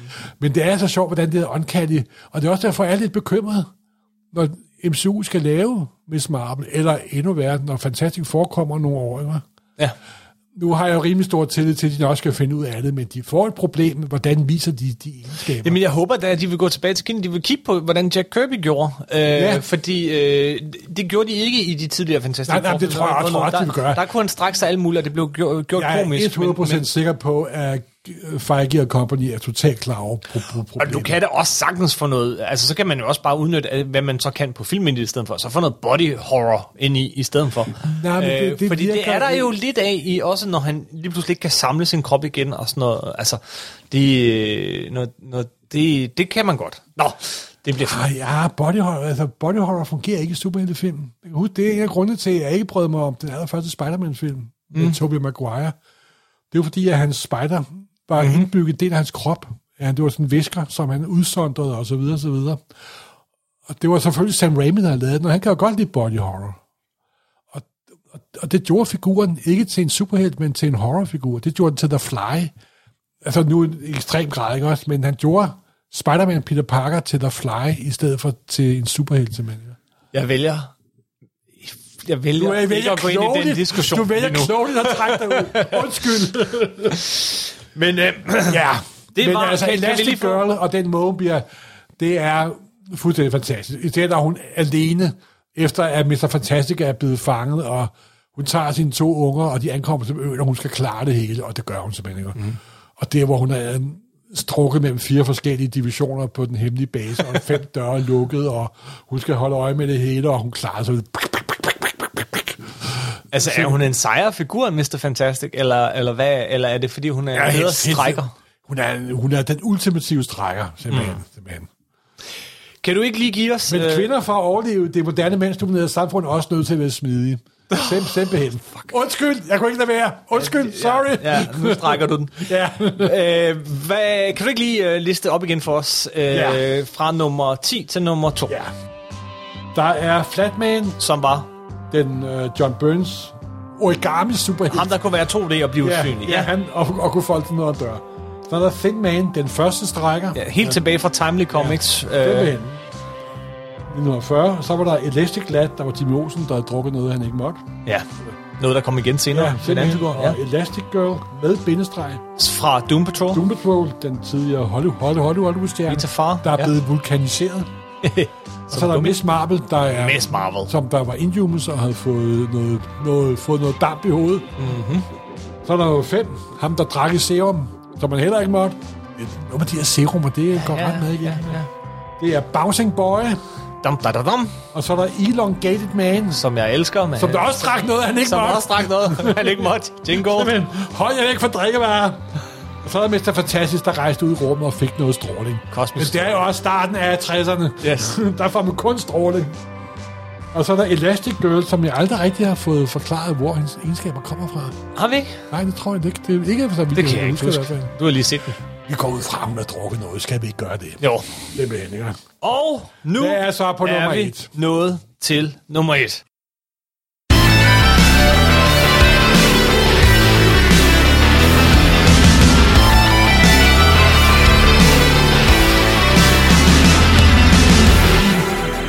Det er den ultimative gummi-plastiske superhelt, lavet af en af de ultimative tegneserietegnere, i den ultimative form, hvor en figur, der kun kan eksistere i det ultimative medie, tegneserie. Yes. Det er Plastic Man, vi snakker om. Plastic Man skabt af Jack Cole. Jack Cole, der er et en tragisk figur, og en af de største figurer inden for amerikansk tegneserie. Men lad os tage det i rækkefølge. Lad os lige starte med at sådan lige fortælle, hvem er Plastic Man? Hvad er hans øh, egenskaber? Og Fordi de, de er også lidt anderledes. Hvor kommer han fra? Alt det her. Og så lad os snakke om Jack Cole bagefter. Også Jack Coles senere karriere. Ja. Øh, og, og hvad forhold mange har til ham. Fordi, altså helt overordnet, bare lige overskriften af Plastic Man er jo en figur, ja, der kan strække sig. Øh, men han er også en figur, som, som Altså en serie, altså de her tegneserier af Jack Cole er noget, som man vender tilbage til, noget som bliver sådan nævnt på højde med, med hvad ved jeg, Crazy Cat og, øh, og øh, altså noget af den Øh, The tidlige tegneserie, The Spirit. The Spirit. Ja, der er også en connection, men altså en tidlig tegneseriekunst, faktisk. tidlig tegneseriekunst, et højdepunkt, og det er Golden Age her. Vi er i Det er noget, der er i... Øh, efter at tegneserier blev legitime i øh, 80'erne, 90'erne og 0'erne, så er den blev hævet op af sådan mødingen og blevet støvet af og blevet gjort til, hvad den fortjener at være. Ja, jeg tror, mange tænker på Plastic Man, hvis de overhovedet kender ham, som en del af JLA, som en del af DC Comics, men han var faktisk ikke fra DC Comics. Han er igen en af DC's øh, ting, de har ranet for andre forlag. Ja. Noget af deres 20 guster, hvor de har været på strandhugst. Fordi han startede oprindeligt op i et firma, der hed Quality Comics, og var med i det, der hed Police Comics nummer 1. Fra 1941, så altså, vi snakker 1941. tre år efter, at superhelten er opstået Og overhovedet. dukker han op første gang, og han var en gangster, Eel O'Brien. Eel O'Brien. Ålen O'Brien, ja. Ja, ja. Der er en gangster, og som gangster er, og de skal selvfølgelig altid gøre indbrud på en fabrik. Og hvad gør man, når man går indbrud på en fabrik, og man er forbryder, så falder man altid i et eller andet. Her faldt han i noget syre. Ja. Og så bliver han efterladt af sine mystiske, af sine onde forbrydervenner. ja, de gør. Og så flygtede O'Brien ud i ikke byen. Der er natur uden for byen. og som i gammeldags tegneserier, der foregår handlingen nogle gange i meget accelereret tempo. Ja, hvad har vi? 10 sider eller sådan noget her. 10 sider, vi er på side 2. Nå, nå, ja, okay, men jeg mener, historien er 10 sider lang. Nej, den er- jeg, jeg er læste i går. den er over Jeg- ni sider. Jeg ved, jeg læste i går. Og redder på side 2 finder han en mystisk kloster, ja. der åbenbart er ude for byen. Og de er de første, der viser ham øh, God godhed, Ja. om, øh, omsorg. Mm. Og den her øh, munk, sådan, der er sådan lidt øh, tabte horisonter over det, Shankara. Ja. Der jo var en meget populær bog i 40'erne, og en meget populær film. tager sig af den her mand, som det viser sig, han har haft en temmelig hård opvækst, altså Ja. har været, øh, siden han var 10 år, har klaret sig selv og har valgt den her levevej, fordi han ikke har set noget som helst godt i menneskeheden. Men for så møder overleve. han, men den her munk, som redder hans liv, tager sig af ham og ikke melder ham til politiet. Ja. Det, det, det ændrer fuldstændig hans syn på menneskeheden. Og så det syge, han blev udsat for under det sidste indbrud, han lavede, øh, opdager, at han er blevet til en gummimasse, der kan strække sig i alle mulige retninger. Ja, Og hvis alle de andre helte, vi har omtalt de første ni, kan strække sig, så kan Plastikman strække sig lige så meget som de andre til sammen gange 10. yes, yes. Han har fuldstændig 100% kontrol over alle sine molekyler, kan strække sig i mulige retninger. Yes. Og når man skal strække sig så meget og vil virke på en tegneserie, så kræver det at have et stort talent. Men, men inden vi snakker så meget om Jack Cole, så lad os lige gøre historien færdig, for hvad sker der så efter han har været hos munken? Så Øh, bliver eller han er? medlem af FBI, Ja, så kommer han tilbage, og så sørger han faktisk for, at de der forbrydere, der efterlod ham, selv kommer de ind og spille, og, så han opdager- vælger og, og at, opdager han, at, det er meget sjovere at være forbryder bekæmper, end det er at være forbryder. han vælger simpelthen at, Ja. rette ind på Han det gode. smalle sti. Øh, men han bevarer sin hemmelige identitet i lang tid. Han bruger faktisk i de første mange øh, Ja. numre den her Eagle afsted. Øh, det bliver sådan en, en, en, en måde at, at, at fange andre. Han begår også i nogle af de tidlige historier stadig røveri og sådan noget, men bare for at, at, at folk skal tro, at han er, han er ond og farlig, så han kan fange dem. Og så får og han- politiet er efter ham. Så får han så også hurtigt et sidekick. Det gør han, og det havde de jo alle sammen. Men han Hans Robin er heller ikke helt god. Det er Wushi Winks, Ja, og Wushi Winks har en meget mærkelig egenskab. Det er, han er, han er en gang reddet i naturånd, da han var ude at fiske. det er kun i starten, så vidt jeg husker, ikke? Ja, Men det er i starten, der Og så kan den, der er intet, der kan... Han, he can't be harmed. Nej, det er så sjovt. Der så, kan så, ikke ske ham du noget prøver at fange ham, og så er der et jordskæld under, under Ja, dig. eller også er en, der glider i en bananskrald eller noget som helst. Uanset hvad, du kan ikke skade ham. Ja. Og det finder han ud af, han står og slår sig selv med en hammer og alt muligt. Det er meget komisk alle sammen. Øh, Og ordet komisk er jo nok det mest afgørende for den her serie, fordi ja, alle de andre serier, vi har omtalt, tager sig selv ret seriøst. ikke i mere eller mindre grad, der har været en grad af realisme i, kan man sige. ikke? Ja, Men Plastic Man er, vanvittig. jamen, den er også en, en af de første deciderede, virkelig gode humor superhelteserier. Jo, jo, jo, jo, jo. Er Jeg, jeg tror, det er en forløber for Mad Magazine og alt den slags. Det er nemlig lige det, det er. Og nu skal vi nok omtale tegneren. Ja, hvor skal man starte med Jack Cole? Skal Jamen, han blev født i 1914, Pennsylvania. Pennsylvania. Hans far var, øh, havde, havde, var sådan en fritids, øh, hvad hedder det, artist, øh, Ja. ja. lavede små shows og sådan noget, og ellers havde han været, været søndagsskolelærer, baptist søndagsskolelærer, og han havde øh, en- lille forretning, hvor de Ja. ja. solgte øh, kolonial varer. En meget, meget typisk for en mindre middelklasse amerikaner. Ja, Og når man er født i 1914 og vokser op og blevet 16-17 år, så kommer jo 20'erne og 30'erne. Og noget af det første, hvor Jack Cole, han blev meget tidligt interesseret i at tegne. ja, Og så da han var 17 år, så viste han også, at han var en øh, fyr, der kunne tage sig sammen til noget, fordi han cyklede fra Pennsylvania ud til Kalifornien og tilbage igen. det er faktisk fra den ene kyst til den anden. Fra den ene kyst til den anden. Og det var han, jamen det er rigtigt, det, det, Og det, var det er lidt, på en cykel, og, en det, og det bliver han sådan... Lidt kendt for. Det bliver han lokalt kendt for, lad os sige på den måde. Mhm. Mm-hmm. Der blev skrevet nogle artikler om ham og så videre, så videre. Men det viser også, at han var en, som der var så, han, han, at han var så sendt, simpelthen, ikke? ja, Og, og det er en 17-årig dreng, der cykler tværs over USA og tilbage igen på en cykel. Det er, man hvad havde været 14. 1929. Under de, da, da den store øh, crack begyndte, og depressionen startede, og så videre, og så videre. Og det er også meget, hvis man kender noget til USA's historie og depressionen, det er 20'erne og 30'erne, der var sådan helt bølge over USA med folk, der gjorde mærkelige ting ja. for at komme i medierne. Det gør de selvfølgelig stadigvæk. Nu Men, foregår men, det bare men det er på rigtigt, der var sådan en bølge, så sådan noget, Nu men, foregår det bare på YouTube. Ja. Men der var... For at klare sig i et, i et samfund, hvor der ikke var særlig mange penge og opmærksomhed osv. Og, så videre. Og der prøvede han også på at slå igennem at være drengen, der cyklede tværs over USA og tilbage, tilbage igen. Mm-hmm. Men så begyndte han jo at interessere sig for at øh, prøve at slå igennem som en tegner, som en cartoonist. ja, Fordi øh, han var meget inspireret af øh, tidlige amerikanske avisserier. han var især vild med Skib og Skræk. Ja, og Temple Theater, som ja. Kørte i, og Bringing Up Father, af, og så videre, så videre. Og, altså, fordi at de langt, langt, langt, langt de fleste avistegnserier dengang var humorserier nemlig. Og mange af de der, der lavede de der avisserier, de var sådan rimelig øh, kendte celebrities, der tjente penge, og det var i virkeligheden en vej ud af, måske ikke fattigdommen, så dog i hvert fald en lidt hård økonomisk situation, og så videre, så videre. Ja, men det var virkelig de, virkelig de få, der fik lov at lave en avis. øh. Præcis ligesom hvis du tog til Hollywood og prøvede på at blive en stjerne. Det man Så- kunne var, at man kunne komme ind i et sweatshop, basically, og så kunne du enten lave tegnefilm, eller, og det var så det, han kom ind i ret hurtigt, Ja. øh, øh, tegneserier på nogle af de der sådan, nogle af de helt tidlige, hvor de sådan, vi skal lige lynhurtigt have lavet et hæfte om måneden. Øh, Om måneden, jeg tror det var om, dagen. ja, om dagen, nærmest om dagen.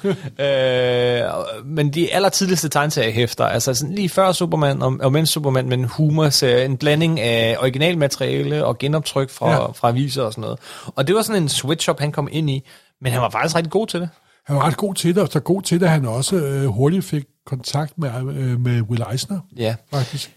Lige inden det skete, så Ja. blev han gift. Øh, Han var faktisk længe, han blev faktisk faktisk gift, da han var teenager. Da han var teenager. Faktisk var det sådan, så han blev gift med sin øh, teenagekæreste, må det selvfølgelig være. Men han fortalte ikke rigtig sine forældre, at han var blevet gift, så han boede stadigvæk hjemme. Ja.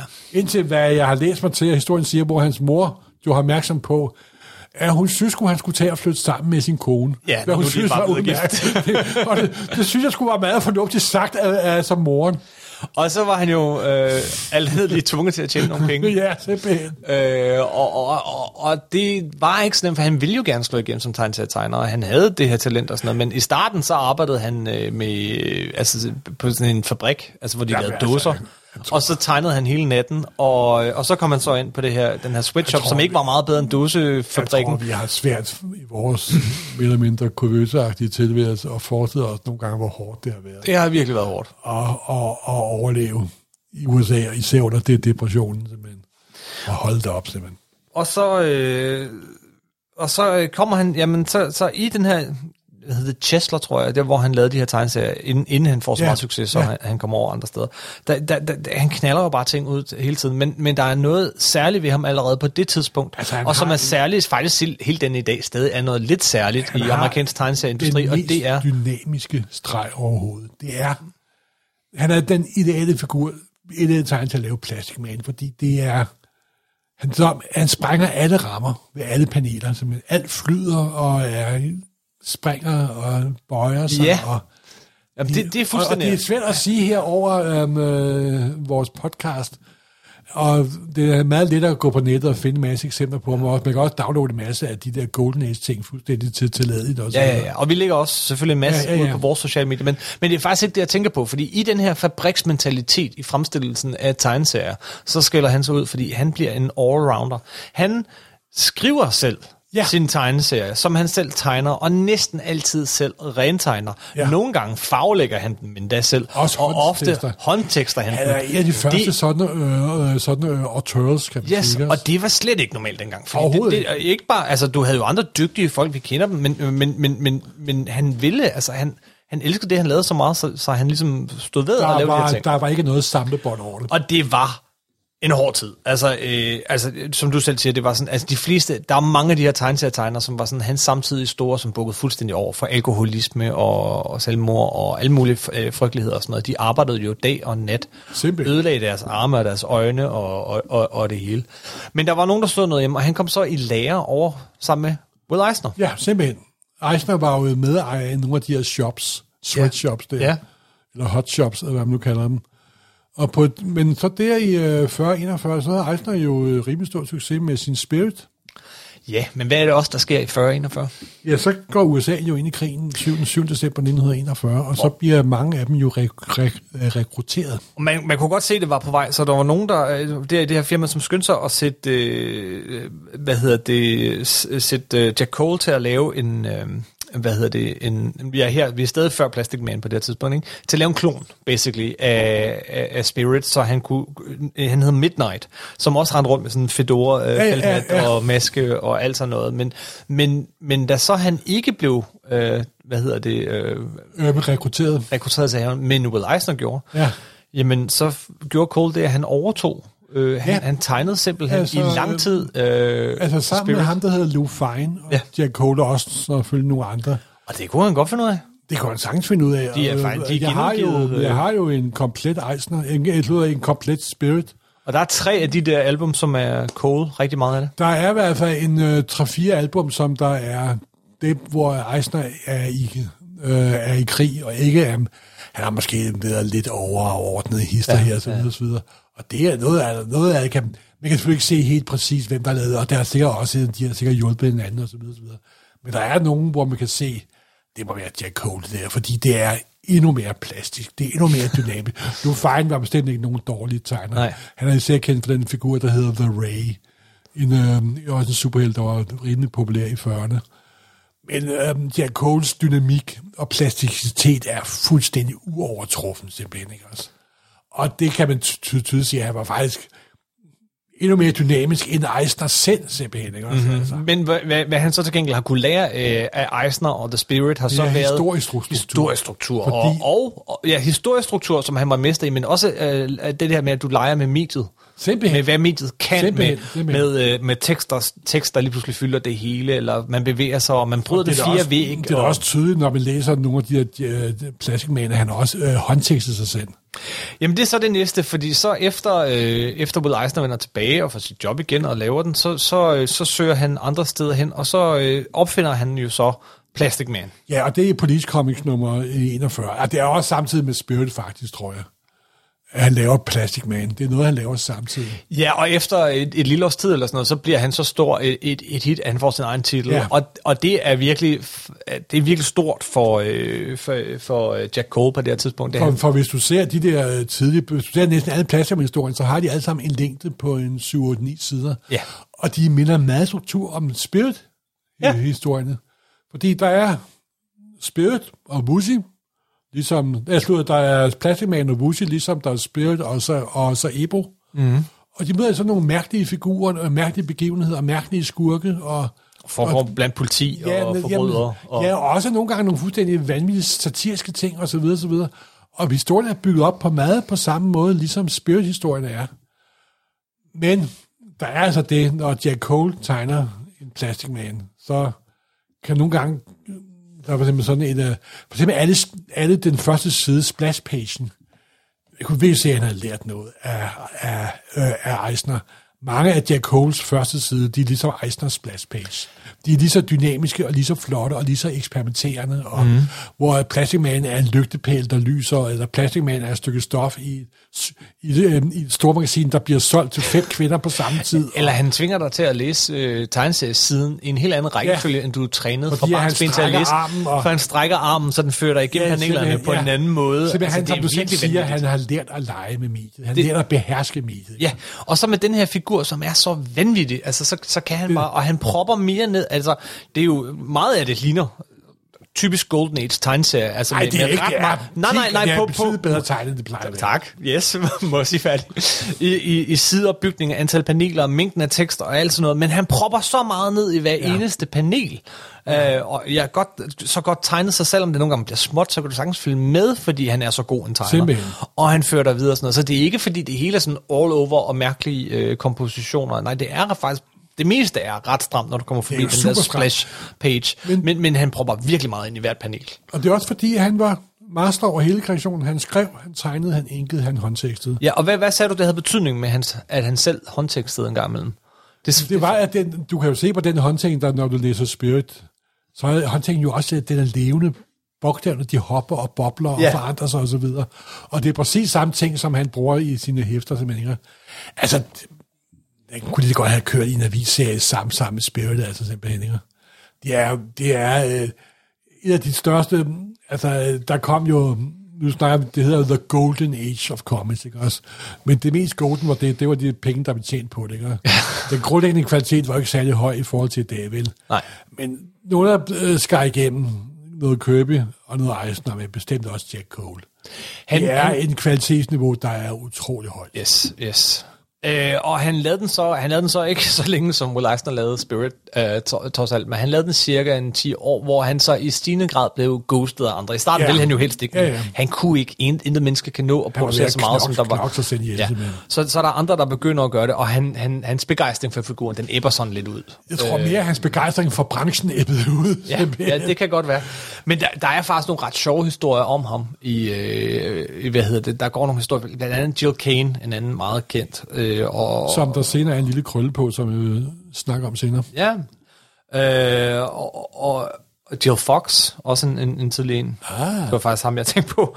Øh, øh, det var Jill Fox, jeg tænkte på. Øh, fortæller nogle historier om ham. Blandt andet, øh, og det her det er noget, jeg har læst i øh, Art Spiegelmans artikel om øh, Jack Cole ja. i The New Yorker, som igen, den vil vi linke til.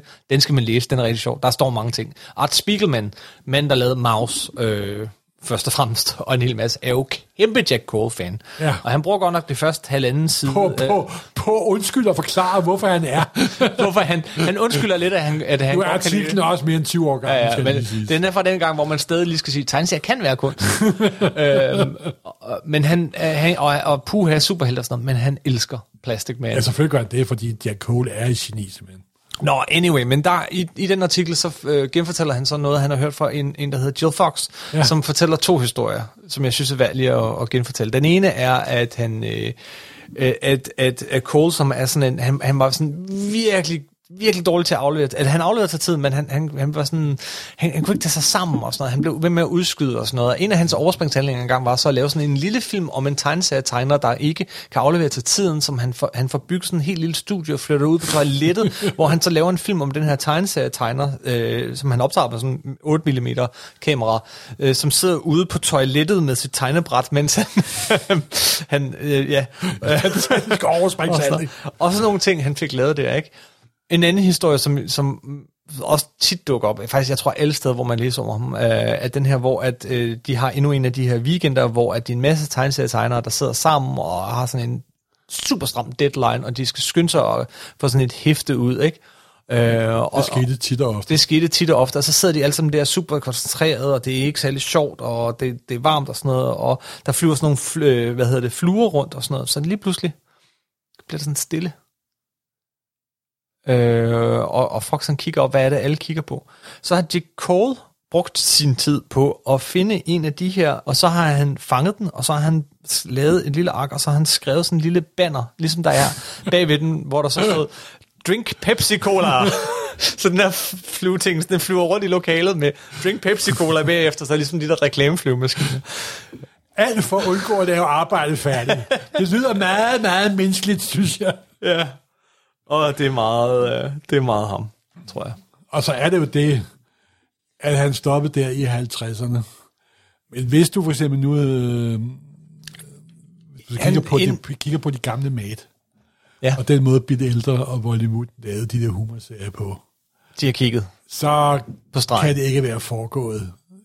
Den måde, den densitet, der er, den måde, hvor alt er fyldt, mm. det kan ikke være foregået, uden de har læst Plastic Man. Det kan det simpelthen ikke.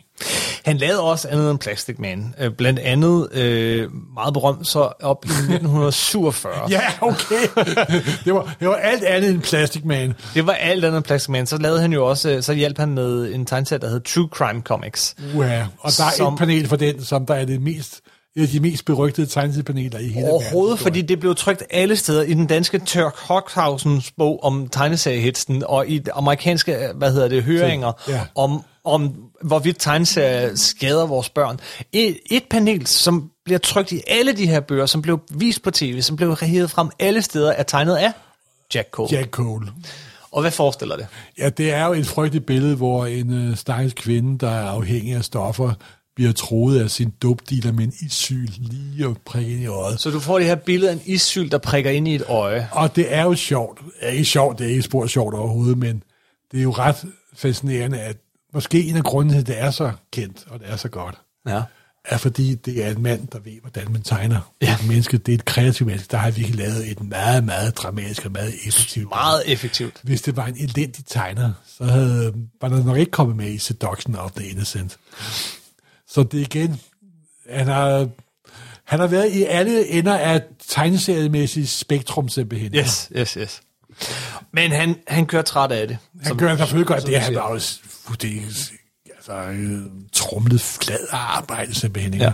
Så han ryger ud der omkring 50-51, og så, Det er så også der, hvor tegneserien generelt ja, ryger der ud. ryger på bunden jo også ud. Ah, også historie om, at han faktisk prøver at gå over til DC Comics med sit portfolio. Ja. Øh, det her før DC Comics opkøber Ja. øh, Plastic Man og andre, og prøver og at- Quality Comics som og, og, og der er ikke nogen, der egentlig vil an- ansætte ham, fordi de kigger på det og tænker ikke superhelte øh, eller horror eller noget. De tænker Nej, men jeg øh, tror, humor. der kan også være, at der har været noget andet, fordi hvorfor besøgte han ikke Eisner, der udgav et spil på det tidspunkt? Ja, ja, Og det er jo også lidt, som vi kommer ind på senere, at der er jo sikkert også foregået ting i Jack Coles liv, som vi ikke er klar over. selvfølgelig. Ja.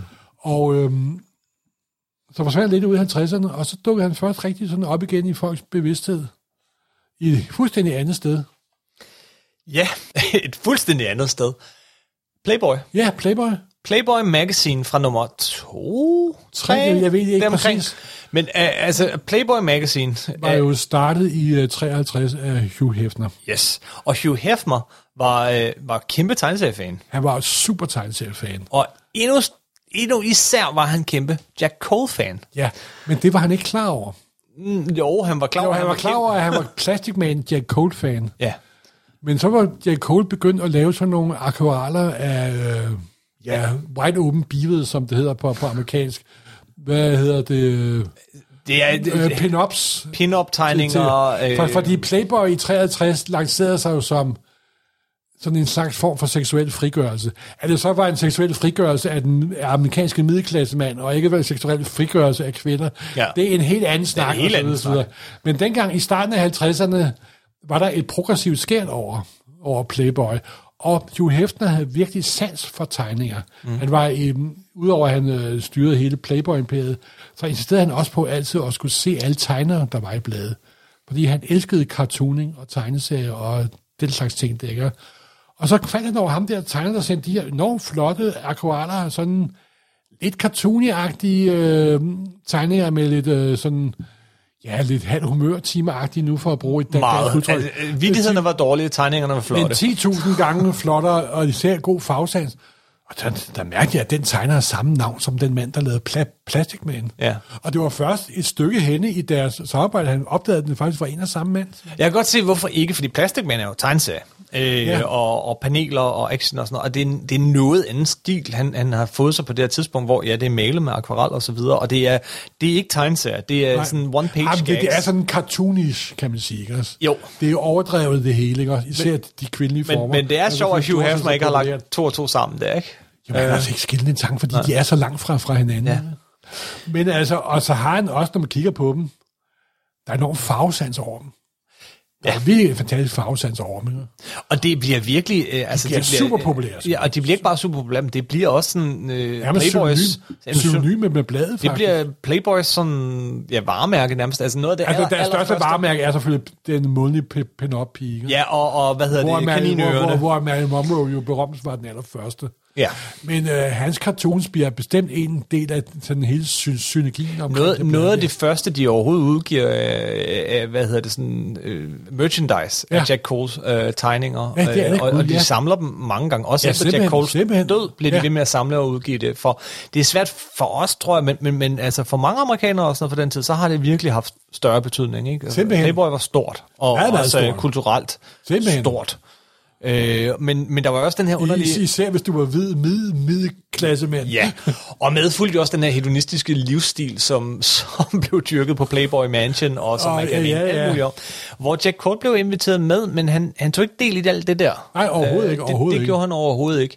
Men han, han, han var meget, meget glad for Hugh Hefner som, som menneske, og, som, som, og, og, og glad for Fordi det der han med at satte arbejde. pris på hans ta- talent. Ja, ikke også? ja.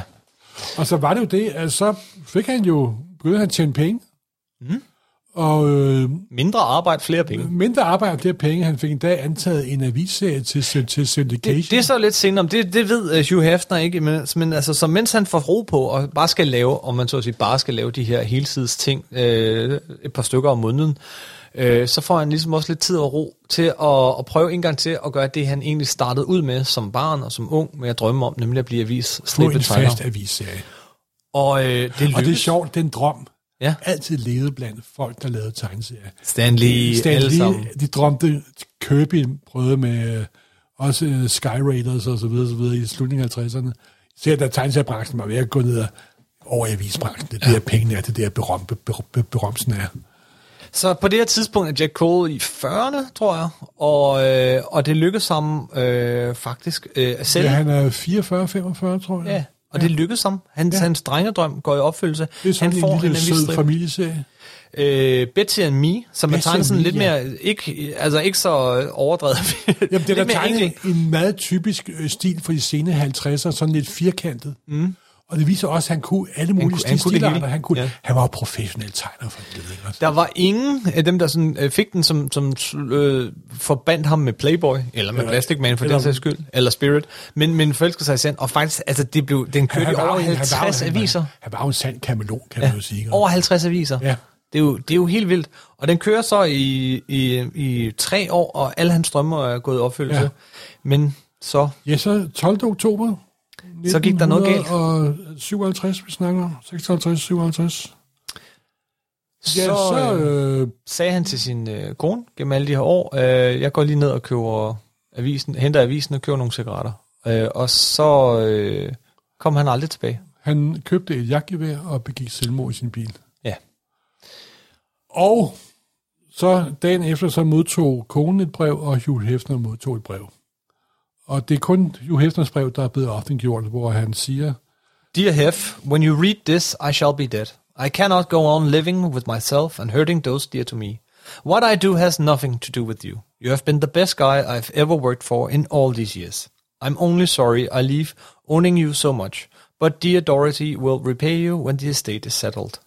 Altså, han skyldte ham nogle penge, men, men det var ikke, altså, ikke værre end at... Nej, nej, Det kunne man godt finde ud af. I wish you nothing but the best in the years to come.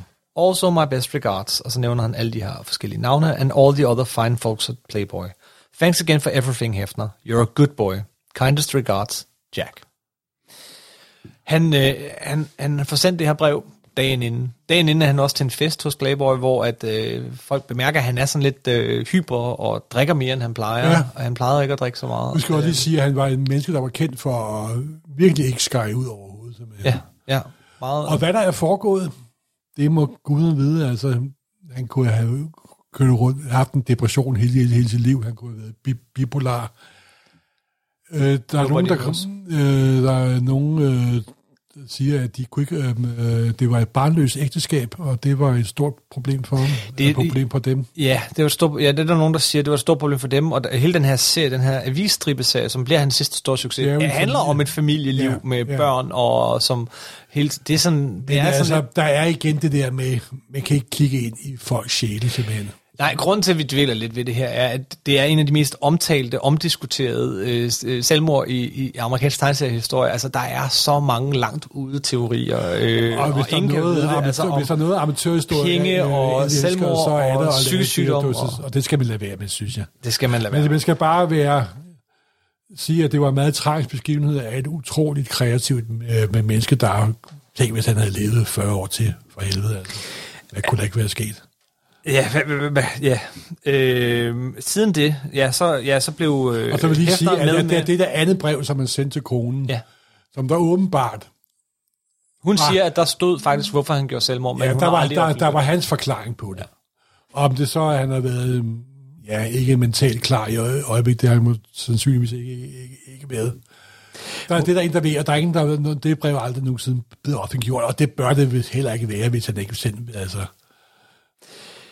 Må jeg læse, øh, jeg synes faktisk lige til sidst, det er Spiegelmans konklusion, eller som man siger, på Ja. den her lange artikel fra, fra New Yorker, som senere også blev til en rigtig god bog. Øvrigt, Den blev udvidet til en bog, du har her, som er, er sat op af, af, af Chip Kidd, Chip Kit. som vi jo også holder meget af. En skideflot bog. Hvad den hedder? Jack Cole and Plastic Man hedder den. Nej, men øh, så er det jo til at finde. Den, den er skideflot sat op, men, men, men den er baseret på den her artikel, hvor at... Nej, øh, den hedder også det, som artiklen hedder. Forms stretched to their limits. Forms stretched to their limits, hvor Spiegelman han ligesom konkluderer. Det læser jeg op på engelsk, øh, men jeg synes faktisk, det er en meget god øh, konklusion. Plastic Man was a stream of consciousness, allowing Cole's id and the license to ooze freely, and in it bounces and lurches, Cole found grace and balance. When he traded in Plastic Man's silly putty for Playboy's silicone, he also traded away the innocent and omnidirectional sexuality of infancy for the mere heterosexuality of adolescence. Sublimating further, he squeezed his creativity into even ever smaller boxes. His two dimensional newspaper strip is as sexless as any other 1950s sitcom. Cole's heartbreaking fantasy about loving couple dotting on their brilliant little boy i den her visstribe. It reads like a suicide note delivered in, a, in daily installments. Okay. When he climbed his ladder of success, up from the primal mulch of the comic books, he finally arrived at the air that was too thin to breathe. Jack Cole, a comics genius, died of growing up.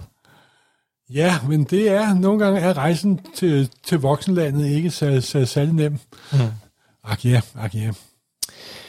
Vi skal lige runde af med, hvad der siden skete Ja, hvad skete med der Plastic ikke med, Man. med Plastic Man? Fordi så skete der jo det, at som så mange andre heldige i 50'erne, der ikke kunne klare sig, de blev opkøbt af DC.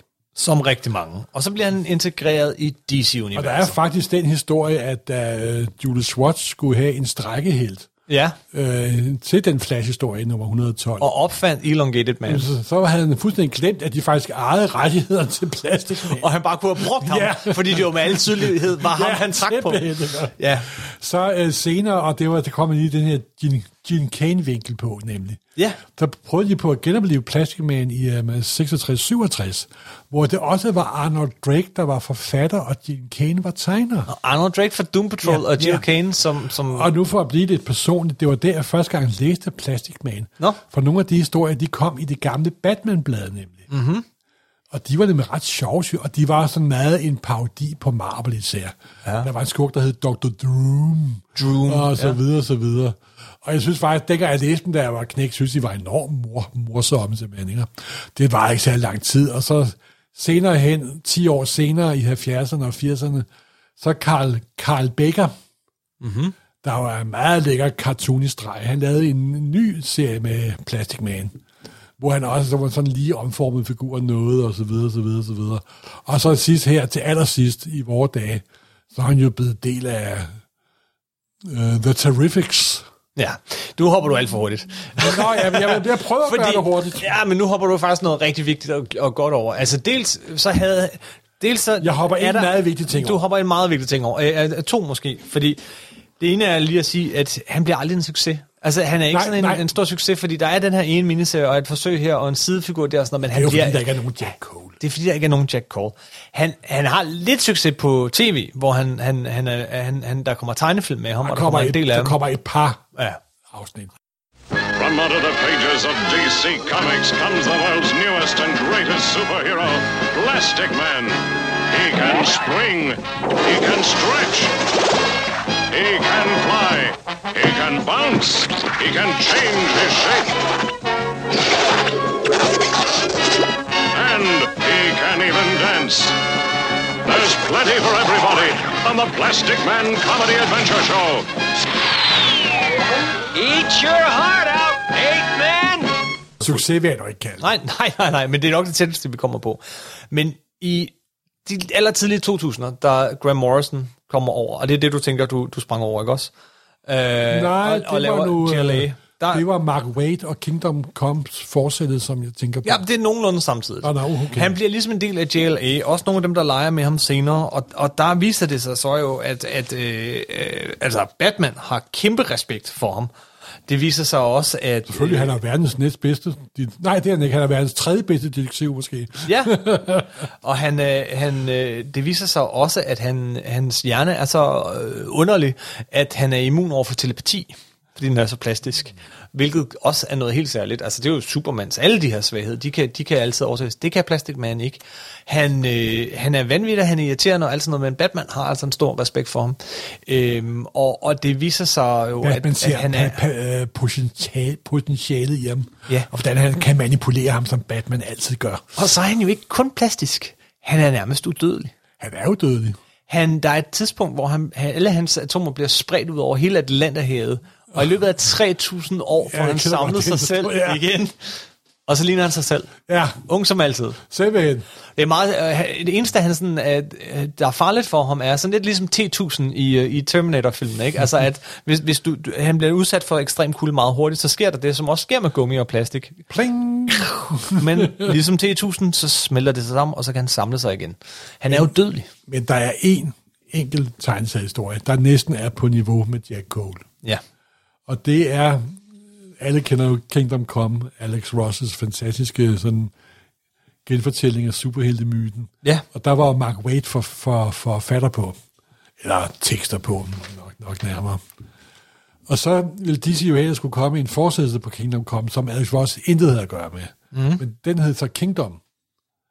Og det var et fuldstændig... Nu ved jeg, hvad du vil hen til. Yes, nu, nu, nu ved det jeg, hvor du var jo hen. fuldstændig brok. Den var, ja. Og kom med en underlig miniserie, jorden gik under, og bla bla bla. Men der er et hæfte. Et hæfte. I alle de mærkelige hæfter kom, der hed Offspring. Mm-hmm. Fordi Plastic Man havde også gået hen og fået en søn.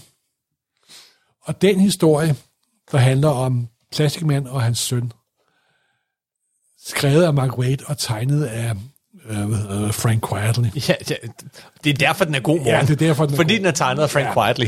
Og den er simpelthen for, jamen, det er også en skide god historie. Mm. For det handler om den her far, der er så forelsket i sin søn og passer på ham.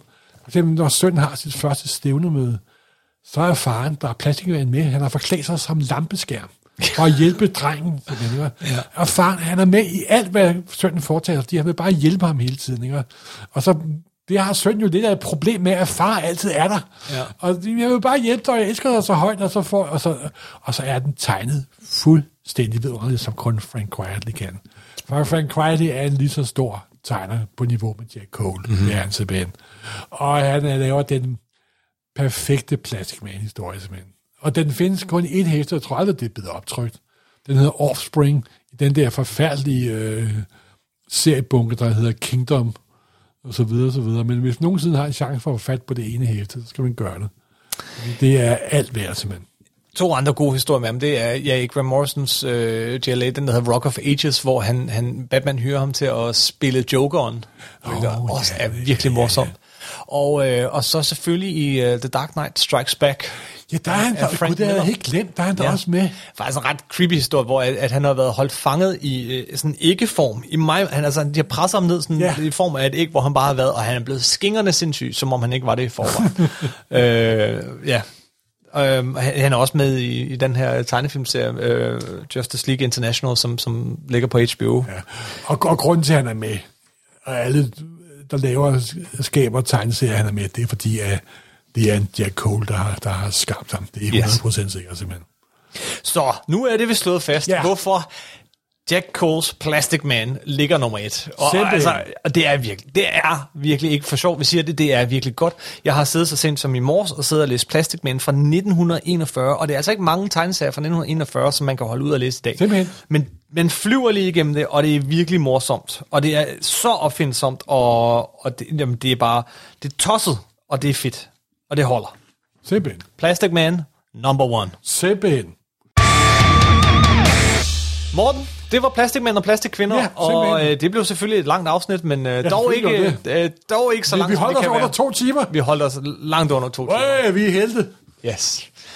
Så øh, jeg tror, at jeg tør love, at vi samler alt, hvad vi kan af artikler og billeder og tegninger fra, øh, fra alle de her strækfigurer, men især fra Jack Coles Plastic Man øh, over de kommende dage og uger. Så hold øje med os ind på øh, Facebooks øh, Instagram-side og vores Facebook-side. Øh, skriv til os, hvis øh, du har andre gode idéer til, til emner, vi skal tage op her i. Supersnak. Endnu mere tåbelige end øh, de 10 mest strækbare superhelte. Ja, men jo mere tåbeligt det er, jo større chance er der for, at vi tager det op, tror jeg. Simpelthen. Ja, vi elsker tåbelige emner, hvor vi kan komme ind under og vise, at alt sammen er kreative mennesker, og der er skæbner bagved. yes, yes, yes. Er det næste morgen, er det så bueskytter? Nej, der bliver aldrig en podcast om bueskødens superhelte. Jeg hader dem simpelthen. Jeg kan godt lide Der er kun én en 10. i populærkulturen, og det er Robin Hood. Alright. Vi siger tak for den gang. Øhm, ja, Ja, hej hej. hej. Ja, det var en dårlig slutning. Kan vi ikke lige gøre det lidt? Nå gud, det var, det? var det? i slutning, Var det det? synes jeg det. Var det det? Nu er vi i gang med at lave en slutning, du vil bruge alligevel. Det er du godt, godt klar over. Nej, nej, nej, nej, nej, nej. nå, er du helt sikker, sikker på det? Skal, jamen, det, bliver jo mærkeligt. Plat. Ja, det vil passe meget godt. Plat. ah, Hvordan skal vi runde af? Skal vi ikke slutte ordentligt af? ja, men hvad vil du så runde af? Nej, det er fint, det her. Nu har du vist runde af, tror jeg, kan se på dine små, grådige ra- lokalradioøjne. Jeg ved ikke, hvor langt jeg kan strække den. Ja, åh, ha, ha. Ja, hej, hej. tak for den gang. Tryk på knappen. Okay.